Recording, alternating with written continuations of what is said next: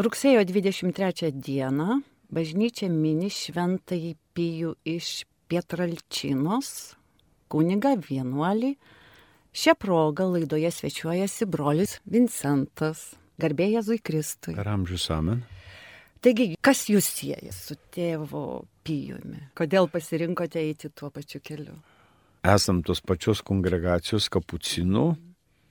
Galit šiek tiek supažindint klausytojus pagrindinius dalykus. Ir vienas galbūt iš tų momentų mano pašaukimo buvo, kai skaičiau jo biografiją apie tėvą Pijų, tai visi tie dalykai kažkaip paliko įspūdį.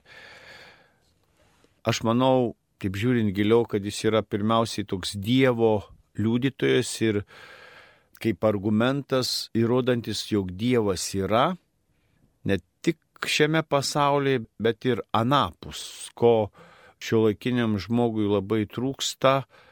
Jis galbūt sudėvina, sureikšmina tik tais tą realybę, kurią mato ir iki skausmų. Kažkaip tai daugiau tokia redukcija galbūt nesveika, kai žmogus, pavyzdžiui, įsigalvoja apie vieną dalyką ir masto pastovė ir gali kažkas negero atsitikti jo galvoje. Ir būtent tėvas Pijus praplečia tikėjimo lauką, tikėjimo pažinimą. Ir aišku, visų pirmiausiai pripijau žmonės traukia tie visi tokie dalykai, sakyčiau, tie antriniai, aišku, stigmos mhm. ir kvepiančios žaizdos. Aiškiai regystė. Aiškiai regystė, matymas šitų nuodėmių ir žmonės labai traukia. Tokie fenomenai ir buvimas dviejose vietose vienu metu Tai kaip čia gali būti? Levitacija. Buvo, buvo tiek, levitacijos, ne? ten kažkas žinau. matė, mhm. aišku, ir pranašavimo dovano, galėdavau pasakyti, kas ten atsitiks, bet tai tie dalykai žmonės kaip ir mokslininkai e, nori pažinti daug dalykų, praplėsti savo pažinimo lauką, aišku, ir tą, ir tą, ir tą, bet neina link tiesos, negelmės, kodėl taip yra. Čia yra esmė. O kaip fizika atrado atomą, atrado, reiškia, elektronus, dabar yra kvantinė fizika, suvokiame, kad gyvename banguojančiam pasauliui, nors nejaučiame kvantų tos teorijos ir visi tai kvarkai. Sukimosi nejaučiame. Nu, nejaučiame. Savo ašį. bet fenomenas, šiaip jeigu ką nors pasuktume aplink save, viskas lėktų nuo mūsų, o čia yra priešingai, Žemė sukasi ir dar aplinkui sukasi ir aplink save ir visus traukia prie savęs. Nu. Mm. Tai kas čia yra? O čia yra kažkokia paslaptis, kodėl, kaip, kodėl čia viskas sukurta. Aišku, mes manau, kad gal laikui atėjus šalia tų neutronų, šalia šito lauko, tų dalelių elementarių, galbūt dar kas nors bus atrandama. Aš nežinau, galbūt. Ar... Gal nu, ir... reiškia, kad Žemė yra keturkampa. Gal irgi būtų. bandys. Bet iš esmės gerai, kad keturkampa ar, ar plokščia. Bet ką reiškia, ką turi įtakos mano buvimo kokybei asmeniškai, mano gyvenimo kokybei. Kaip žmogaus, o čia yra klausimas. O kokią įtaką turi mano gyvenime, pavyzdžiui, vakar nežinau, kas laimėjo rungtynės. Mhm. Ir ten, ar prezidentas suvalgė ten tokį piragėlį pusryčiams, ar dešrelę, visi taip sureikšmino, nu tai aišku, kad valgo kažką. Nu, tai yra natūrali mūsų natūrali. Nu, taip, forma, taip, bet tokie sureikšminami tokius kažkokius antrinius dalykus. Bet į esmę žiūrėti tą gelmę, tą visumą. Kodėl kas? Ir tas pats su tėvu Pijumi. Visi šitie dalykai, visi ženklai yra liūdėjimas, Aišku, čia tos mistinės kovos ir šetono polimas, o tai įrodymas, kad egzistuoja ta antgamtinė realybė, kurio žmonės, ai, čia yra, taip nėra, čia, čia mes netikime, aišku, piktasis džiaugiasi, kad žmonės neigia nuodėmę, neigia napusybę ir taip toliau, todėl žmonės papuola į tokią tuštumą, į depresiją ir viskas šioje realybėje yra. Ir kokias čia studiją atsinešiau ir tą dienoraštį vieno jo dvasios tėvo, kad jis pastoviai išgyvendavo tos bandymus, dvasios bandymus. Tai nėra lengvas dalykas, o mes galvojame šventasis, arba taip galbūt mažiau tikinti žmonės, ai, tie šventieji, jie kažkaip gyvena atitrūkę ten kažkokiame fantazijų pasaulyje, jiems viskas lengva, gera, ką galime paneigti ir įsivaizduoti, kiek gali ideologijos būti tokios galbūt iškreiptos, kurios iškreipia mūsų suvokimą, mūsų pačių pačius mąstymą, kaip tas Marksas, reiškia, ir filosofas, aišku, materialistinis ideologijos kuriejas, kuris sako, religija yra opimas liaudžiai. Mm. Tai aš manau, kad jis įsakė minti šio laikinės visuomenės netikinčiųjų, kad jie siekė opimą, jo projekcija buvo, o mūsų religija vis, viskas yra priešingai. Atsivertimas, mąstymas, diagnozė, sąžinės tyrimas ir taip toliau. Jėzus sako, būdėkite, melskitės, o nemiegokite, neieškokite saldžių dalykų. Ir kaip galime opimą, tokį apkvaitimą sulyginti su kryžiumi. Jėzus sako, im kryžių ir nešti. Kryžius būdina viską, kodėl čia taip. Ir ką čia bendro turi su opiumu? Aš galvoju, kad būtent e, tas projekcija į šiandieninį visuomenį ieško ne tiesos, ne pažinimo, ne prabudimo, bet opiumo. Daiktuose nusiraminamo visokiuose kvaišaluose ir taip toliau. Mes matome, kokie šiandien prioritetai mūsų valstybė yra, kad svarbiausiai ne amortizuoti galbūt tuos e, kažkokius ekonominius dalykus, kurių turime, aišku, reikia spręsti, visuomet reikia spręsti, bet prioritetai prioritetas yra, reiškia, paleisti kvaišalus.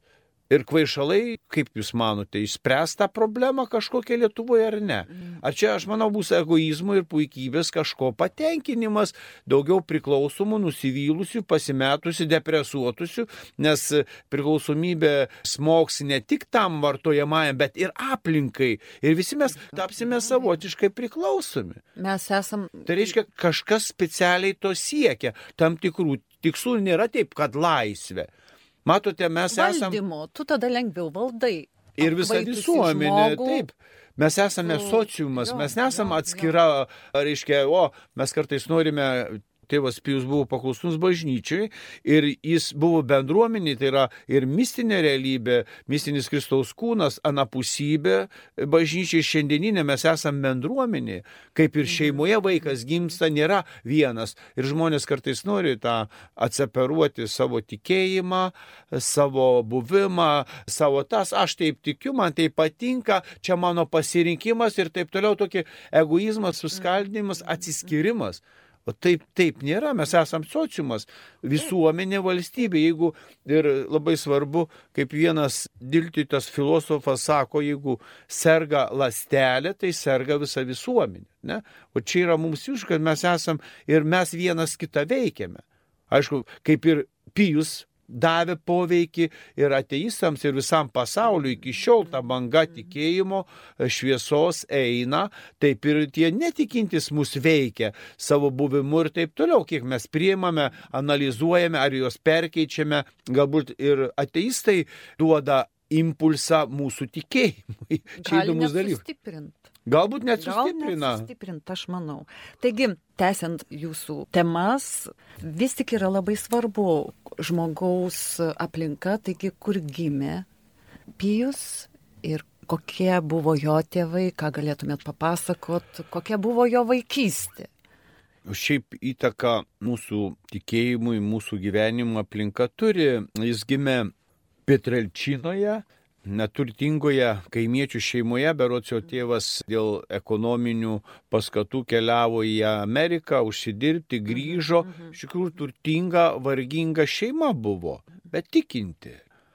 Matote, mes ieškome, kad kur yra išganimas, kur yra išgelbėjimas. Mes mąstome, manome, kad ekonominė formacija, ekonominis gerbuvis tai yra mūsų išganimas. Čia Dievo nereikia, jei gerai gyvenu ir viskas įsispręstų. Ir pasirodo, kad tas vargingumas buvo ir paskata, ir aišku, ir gėriui, ir meiliai, ir dalymuisi. Jis jau tada turėjo tam tikrų, matė savo angelą sargą, aišku, Dievo buvo apdovanotas tam tikromis savybėmis, buvo, kaip sakant, pasirinktas. Ir galiu pasakyti, kad krikščionio kelias ir jo kelias man teko leisti tėvo Pijaus balsą, tokį žurnalą. Mm -hmm. Nu, dabar laikinai sustojo dėl įvairių priežasčių ir kai skaitau jo biografiją, visus tuos laiškus, nu, nenorėčiau tokio gyvenimo. Aišku, čia yra kitas dalykas - pašaukimas, ypatinga malonė, taip kaip jis gyveno, išgyveno, kiek jis kentėjo, kiek jis buvo net vaikystėje šetono jau puolamas. Tai yra toks liūdėjimas. Ir tas gyvenimas su Dievu nėra lengvas ir na, puikus. Aišku, čia mes turime paklausti, ar mes norime tokio gyvenimo, norime kryžiaus ir aišku, kur tas nuves. Ir galiu pasakyti, kad kryžius yra labai demokratinė priemonė Dievo. Jį turi, kryžių turi ir ateistas, ir netikintis, ir prezidentas, ir šlavėja, ir krikščionis, ir vyskupas, ir visi nešame kryžių. Ir tik tais ką tas kryžius mums duoda, kaip jis mus formuoja, apdailina, kaip stato mus į vietą. Ir tėvas Pijus suprato, kad tie kentėjimai yra būtini. Jie apvalomi, jie, kaip viename laiške dvasios tėvui rašo, kad šitie kentėjimai jo yra apvalimui. Sustiprinimui ir apvalymui. Ap, apvalymui sustiprinu. Jo, jo, jo, apvalyti, nu, netikrų minčių, nu, netikrų taip, taip, mhm. taip. Ir kartais girdžiu iš tikinčiųjų, kad jei kas nors ne pagal mano mintį, ne pagal mano mąstymą, čia jau čia yra iš šitono, čia tas, ne mano valios. Aš toli galvoju, kad... Gražu, man atrodo. Kaip? Mm, toli gražu. Tai čia kartais net priešingai yra. Mm. Ir maldoje, ką aš pradedu pastebėti, kad mes melžiamės ir kaip Paulius rašo, mes net nežinome, ko prašyti. Taip. Iš tikrųjų, nuolankumas laukti, ką Dievas atsiūs ir ką Dievas parodys. O mes ne, Dievo nenorime matyti savo maldoje, tik tais savo prašymų, savo intencijai, savo tas Dieve, e, būk e, man e, tą programėlę per radiją, koncertas linkime pasveikti, linkime būti išklausyti, galbūt taip. Taigi, Kadagi mažasis Franceskas Fordžionė, vėliau gavęs vienuolio Pijaus vardą, pajuto pašaukimą vienuolio gyvenimui? Jis nuo pat vaikystės suvokė, kad bus kapucinas. Jis nebuvo kažkaip. O kodėl kapucinas? Vat ar galite atsakyti šitą klausimą?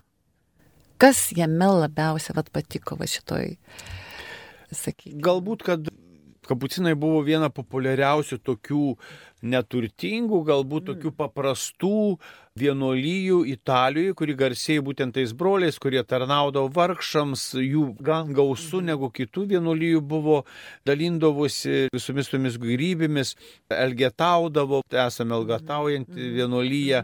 Šiaip, aišku, dabar nesimato gatvėse, kad eina kažkoks vienuolis su krepšiu ir per parduotuvės viską renka, ar ne?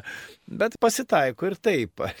tai, va, tai gal, galbūt mhm. ir berots iš karto jis net nebuvo priimtas į vienuolyną, ten vietų nebuvo, kiek prisimenu tiksliai, bet aišku ir ten Bet jo apsisprendimas tikriausiai senųjų brolių vienuolių matymas kapucinų, jo veiklos, nes kodėl šita vienuolyje taip sublizgėjo Italijoje, nes kai buvo maras, tos pandemijos, epidemijos, tai būtent broliai eidavo slaugyti šitų vienuolių ir tas palikimas ir 18 amžiui siauti visokios pandemijos ir broliai slaugyti, pagelbėti tiem sergantiesiems Ir net buvo kartais ir tokia nuostata, jeigu tu mm -hmm.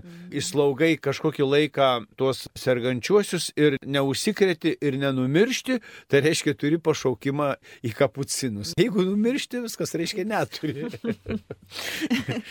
tai va tokia buvo atranka. Mhm. Ir aišku, reikėjo apsisprendimo, reikėjo determinacijos, kad tu nori būti toj vienuolyje buvo tokia, pasakykime, tokia siekinė turto, mhm. paprastumo, Tai dabar matyti kapucinų vienuolijos, ypač Italijoje, mediniai ir altoriai ir visa įranga, tos celės tik 50-50 mm.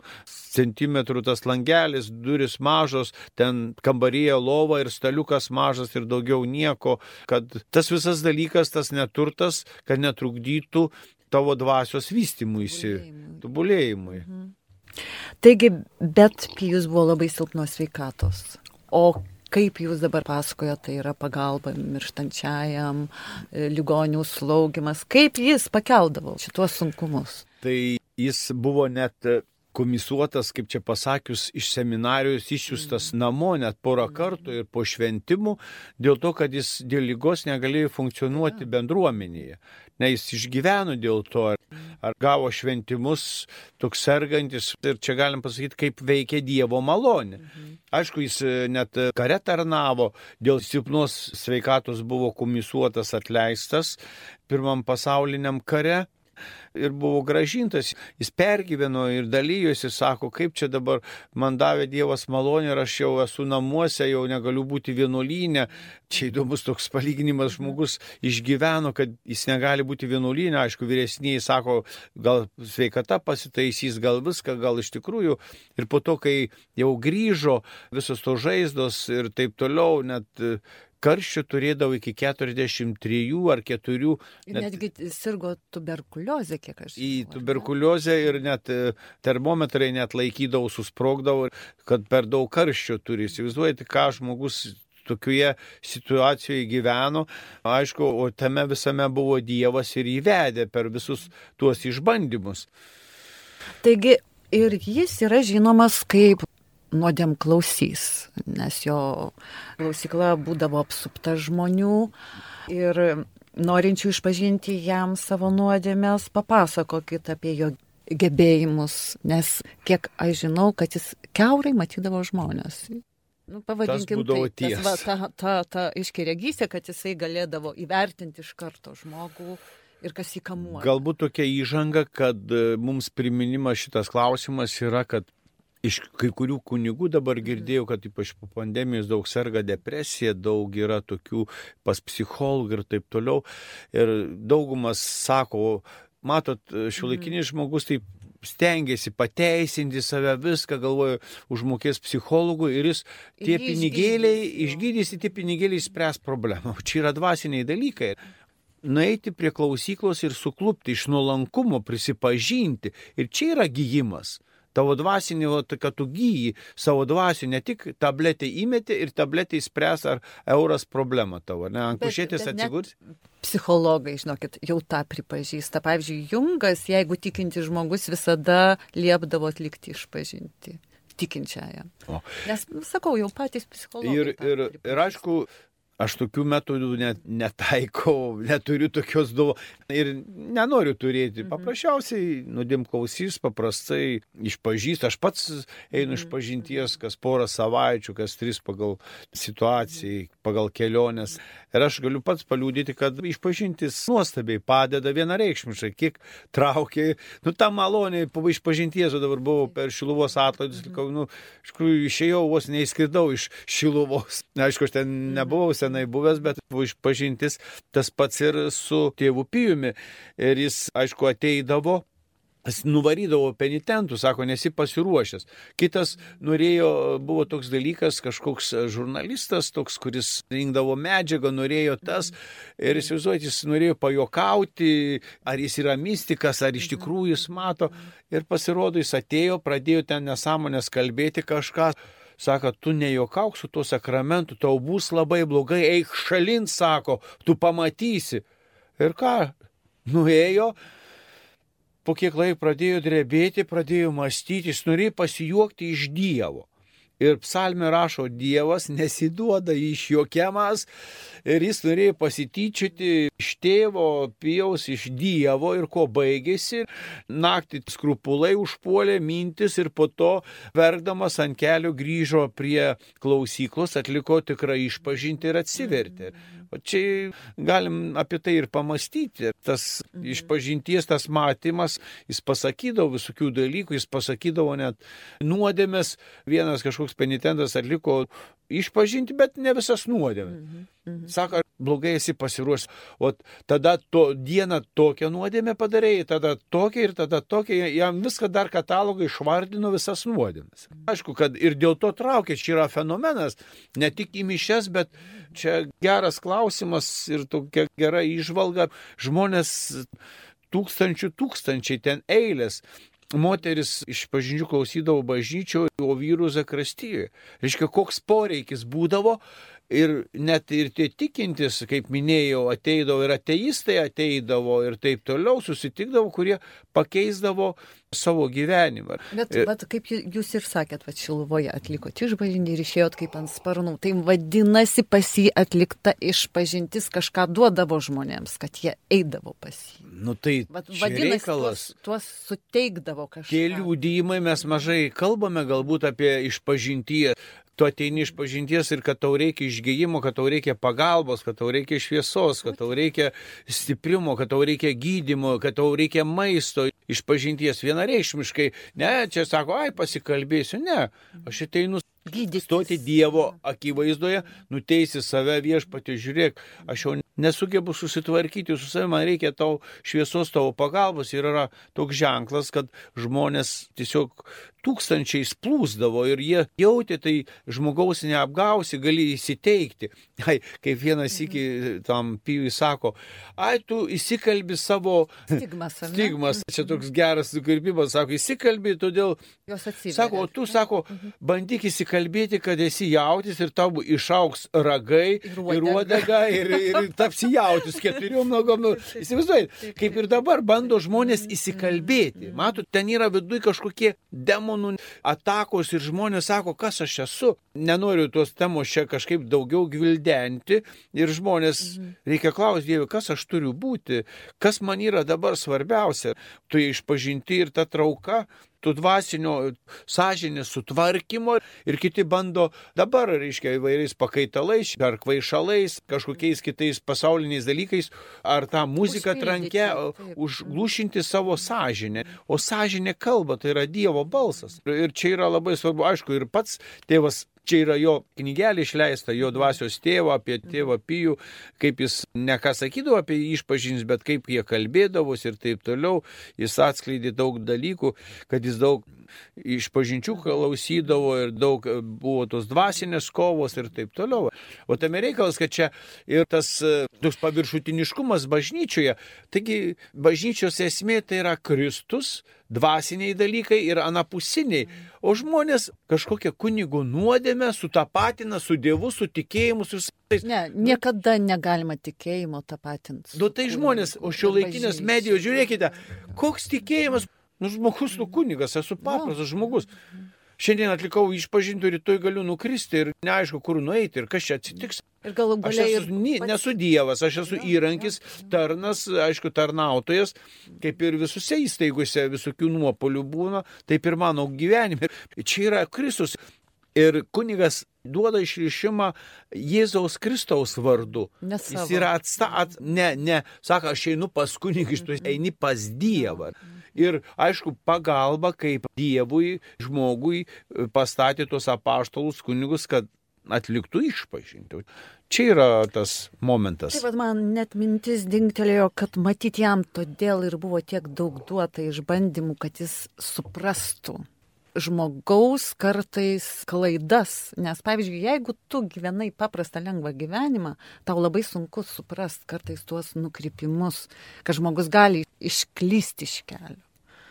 Ir kada tu pats esi perėjęs tuos gundimus ir taip toliau, tu lengviau supranti artimą savo. Aš taip manau.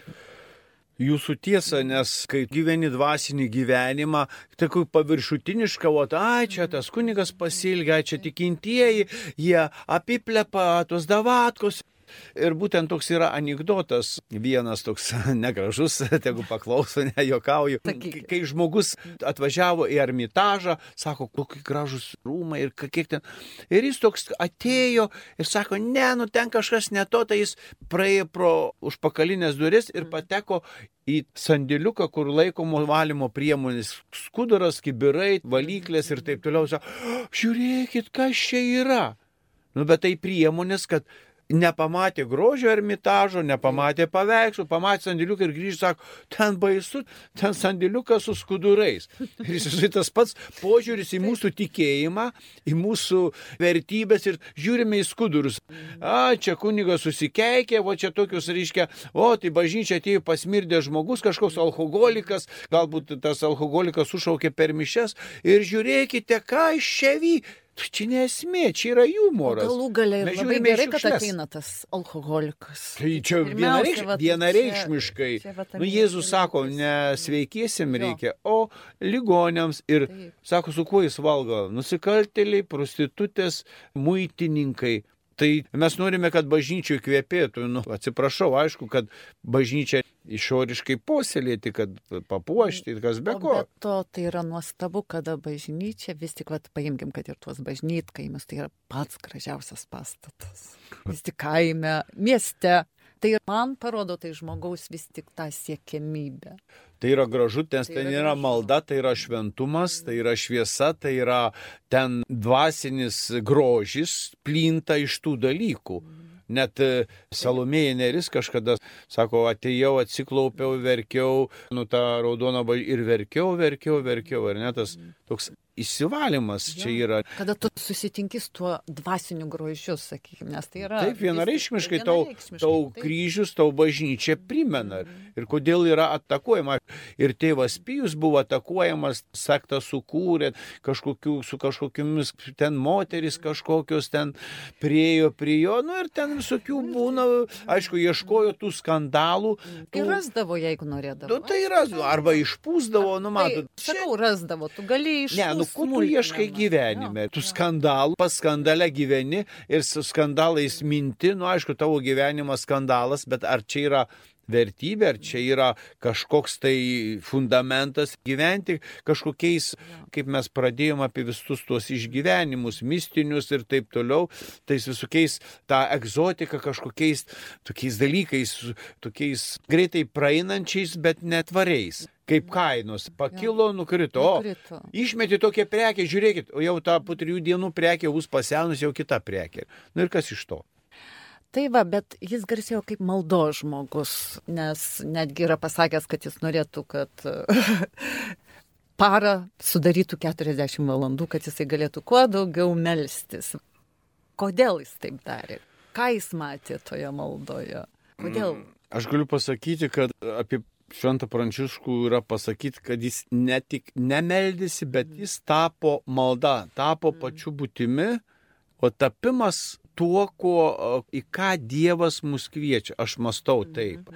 Ir po kvepavimo žmogui pirmas dalykas, aišku, tai yra mūsų nuolankumas, kad jeigu nekvepuosime, negyvensim. Tai, Ir antras dalykas, kurį turime daryti, būtent tas mūsų dvasingumo gyvenimas malda. O mūsų žvilgsnis į Dievą, kuris sukoreguotų mūsų protą, mūsų pasaulį ir pamatytumėm, kas, kas yra. Nes žmonės dabar yra taip susis, aišku, ne tik susipriešinti, susiskaidyti, bet pasaulį mato kaip trupmeną. Vieną dalelį išima, o čia esmė, čia esmė, čia esmė, ne. Mes turime matyti visumą. Ir tada vyksta kūryba, vyksta pažinimas, aš taip galvoju, kad ir ta malda duoda tą dvasinį mąstymą. Tad ir Paulius rašo, kad jūslinis žmogus yra tas pirmas, o antras dalykas yra dvasinis žmogus, kurį mes turime formuotis. Po keliolika rožinių jis ir naktį melzdavosi ir pastoviai žvilgsnis į Dievą.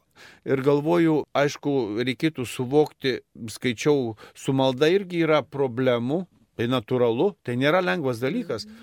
Lenkijoje man užkliuvo tokia knyga ir nusipirkau, vadinasi dvasingumo patologijai. Net dvasingumas gali tapti patologija, įsivaizduojate, su savo į- įsigalvojimais, su savo norais, su troškimais, savo maldoje, įsivaizduojat, kur gali nuvesti tokie, aš meldžiuosi ir, ir aš tampu Ir Dievas. trokštu. Ir trokštų. jo, jo, Kaip tik turi viską nuraminti, visus troškimus ir klausyti, Dieve, ko tu iš manęs nori, pamatyti toks, koks esi.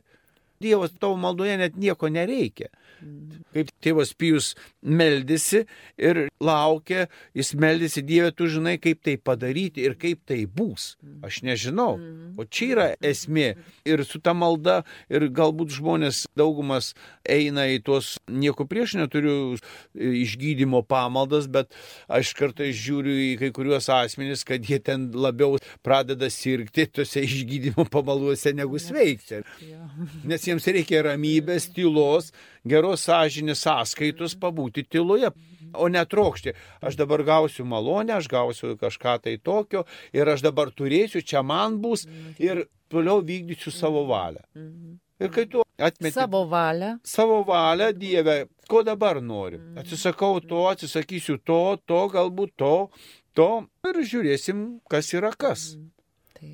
Taigi yra žinoma, kad rūpinosi vargšais, pats įsteigė ligoninę. Kaip aš suprantu, tai yra kaip kapucino vienuolio viena iš pareigų, lyg ir, bet kuo jis papildė, tai tas jos santykis į tą vargstantį žmogų, kenčiantį žmogų. Kaip jis juos gydė, pavadinkim. Gal tai būtų geriau. Nu, pasakyt. matot, e, jis iš esmės iš nieko, o tai yra maldos dvasinė jėga ir gale. Jis pirmuosius savo grašius kažkur gavęs paukojo tai ligoninė ir pastatė paguodos namus, taip galim. Šiuolaikinė iki dabar jinai veikia tą šiuolaikinį ligoninį ir vaikų skyrius ir tas, kad jis suvokė, kad tai yra toks papildymas, ne tik jis buvo mystikas, ten turėjo, aišku, ir tuos vizijas, ir Marija matė, ir Jėzų, ir taip toliau, bet matote, kartais tie arba nesubrendę galbūt tikėjime žmonės, arba kai kurie iš pašalies, kad čia o bažnyčia tik apie dvasinius tuos migdolus, dangiškus, čia yra netiesa, visiška netiesa. Jis matė poreikį maldos, poreikį išpažinties ir šventų, ypatingai šventų mišių Euharistijos ir taip, o tikintieji, kurie klausosi. Įpulkite į bažnyčią, ten tiek tai reikia, 10 sekundžių suklupkite, padėkokite, nusilenkite ir bėkite savo. Tiek tai reikia, bet kelis kartus per dieną, nereikia Dievo, ateini dabar 3 valandas klupėsiu. Čia svarbiausiai tas gestas prieš Dievą, visame kame ir matyti poreikius būtent tų kenčiančių. Ir būtent jis įkūrė tą ligoninę toje vargingoje srityje, San Giovanni Rotondo. Ir po to pradėjo plaukti aukos. Jis iš nieko, iš tikrųjų, žmonės susidomi iš viso pasaulio, ten tokią galingą ligonį šio laikinę pastatė, kad būtų rūpinamasi žmogumi tuo kenčiančiu ir padėti kenčiančiam. Ir iš mūsų kaip krikščionių priederme, tai yra liūdimas jo, kad pamatyti tą vargšą, galbūt gatvę ir pasimelsti, ir padėti, nukreipti, ir nebūtina ten kažkokių investicijų lėšų. Neseniai girdėjau tokį gražų pamokslą iš Šilvos važiuojant apie kalėdas. Mes darom tokius renginius prieš kalėdą šou. Ten ar, ar politikai, ar verslininkai, o čia padarysim šeimai. Galbūt su šeima tie santykiai nekokie, bet vat pripirksiu dovanėlių, visus paglostysiu, o čia bus pasirodymas, čia dabar kalėdos bus, čia vargšus aprankysiu.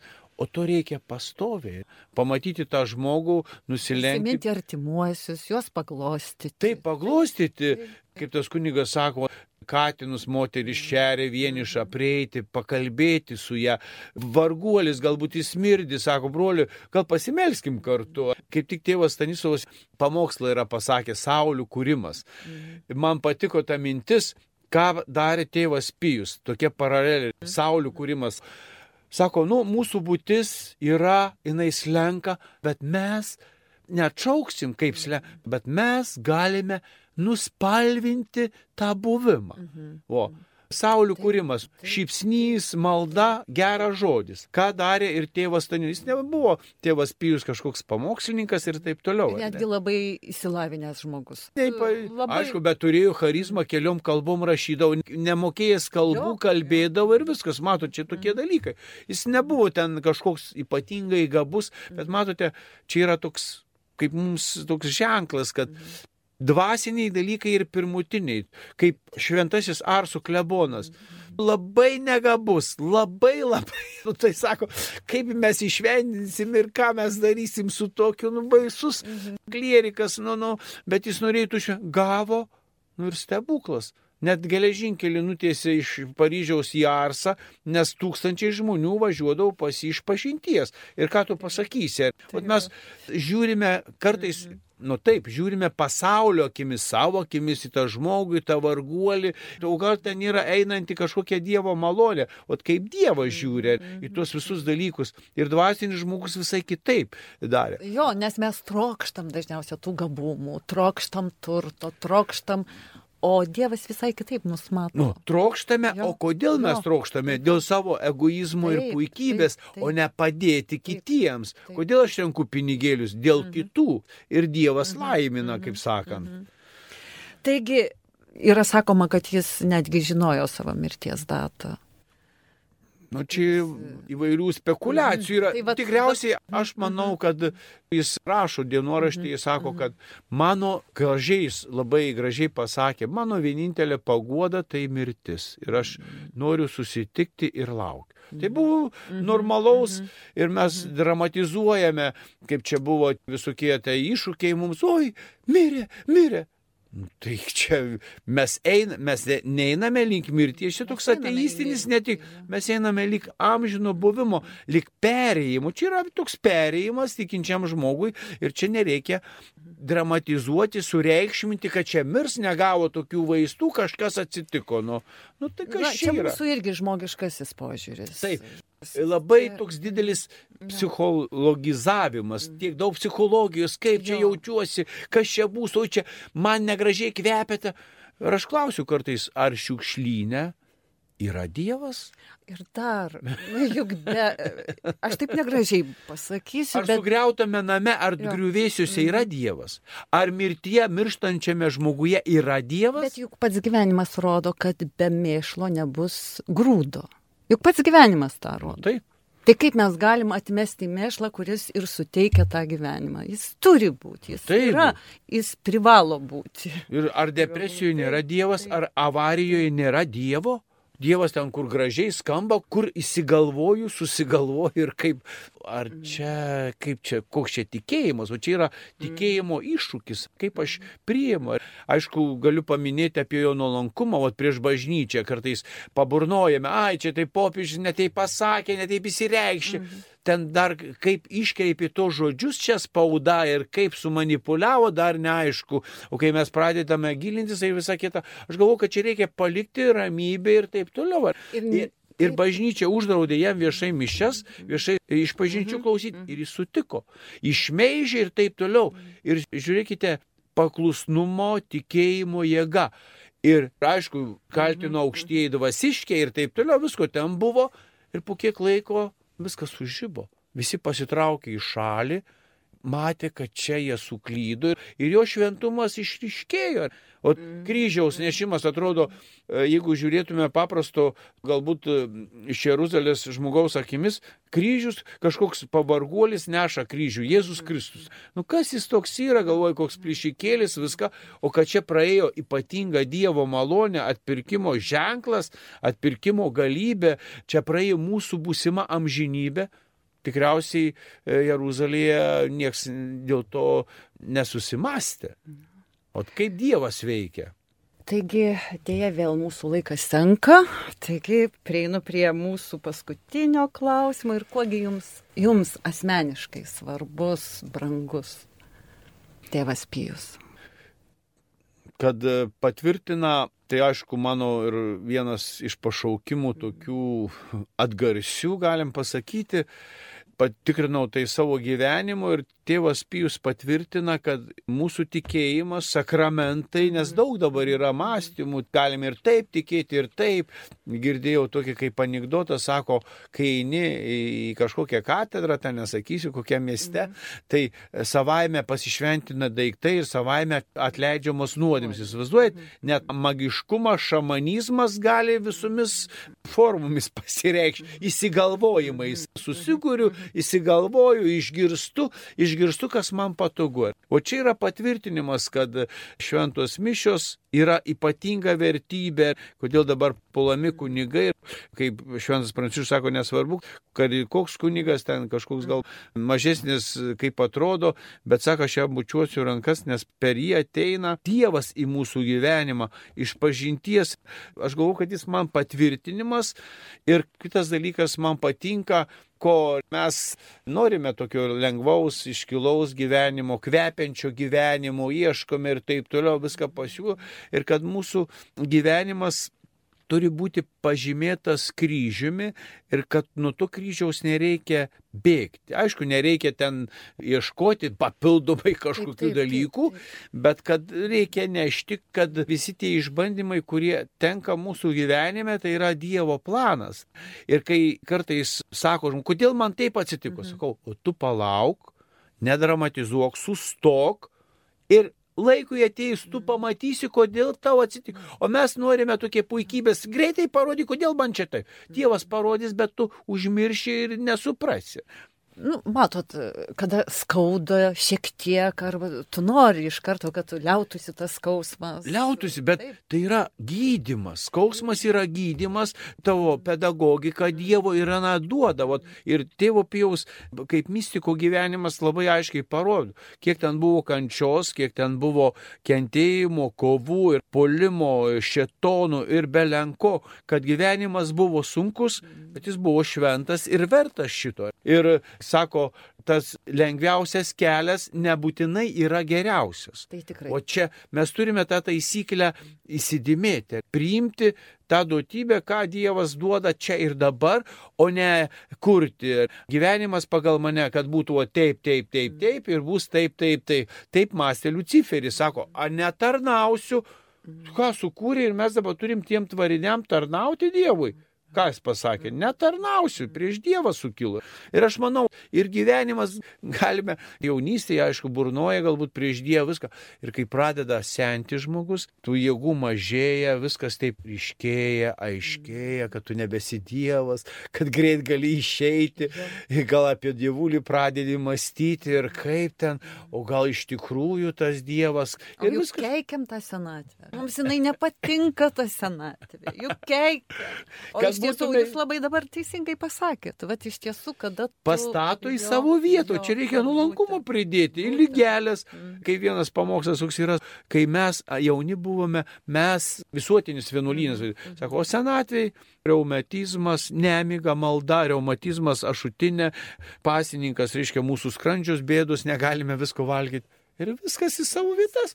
Ir dėkojime, kad Dievas mums duoda galimybės atgailauti, galbūt už savo nuodėmės, galbūt prisidėti prie šio pasaulio. Ir kiekvienas ir sergantis žmogus, kenčiantis yra reikalingas. Jis apvalo tą pasaulį, jis yra šiaip ekologijai suteikė pasauliui, jeigu per savo kančią jis aukoja dvasiniu būdu Dievui tą auką. Aš jungiuosi už savo artimą, už žmogų ir pasaulis per tai tampa gražesnis ir geresnis geresnis. Ir ta kančia, galbūt ir šiuolaikinėme kontekste, tų visų neteisybių, kurie vyksta, neminėsiu, aišku, ir atrodo, o čia beprasmybė.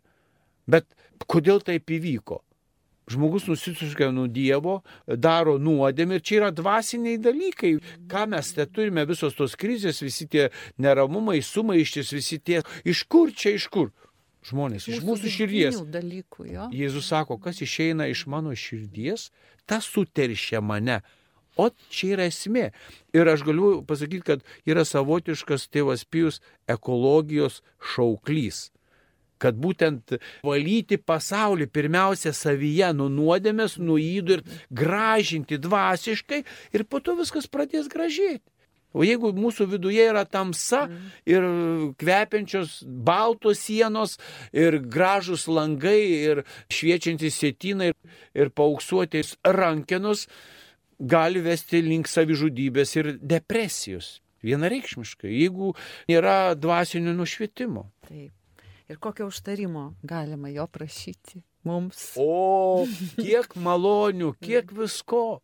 Aišku, sako, jis Tai yra užtarimas, kad jis užtartų šventieji prieš Kristų, užtartų. Taip, tai yra visų šventųjų bendravimas, mes to tikime ir daug malonių jis šventieji už. Ir tik nereikia projektuoti neteisingai, sakyti, o, aš susigalvojau, kad taip pijus turi padaryti ir nebandyk. Jis neturi tai padaryti. Ir jis padarys, bet mm. kaip su Dievo pagalba padarys, mhm. reikia būti atviram. Mm. Ir kad šita malda irgi yra toks pašaukimas, yra, kad žmonės prisiminė darbuotojai Marijos radijo, kad yra tokia diena, kad reikia paminėti, tai yra ir ženklas pasauliui, tai yra graži banga iš Marijos radijo eterio į pasaulį apie tas amžinasias, nuostabesias, gražiasias vertybės. Tai yra liūdimas, kad Dievas yra.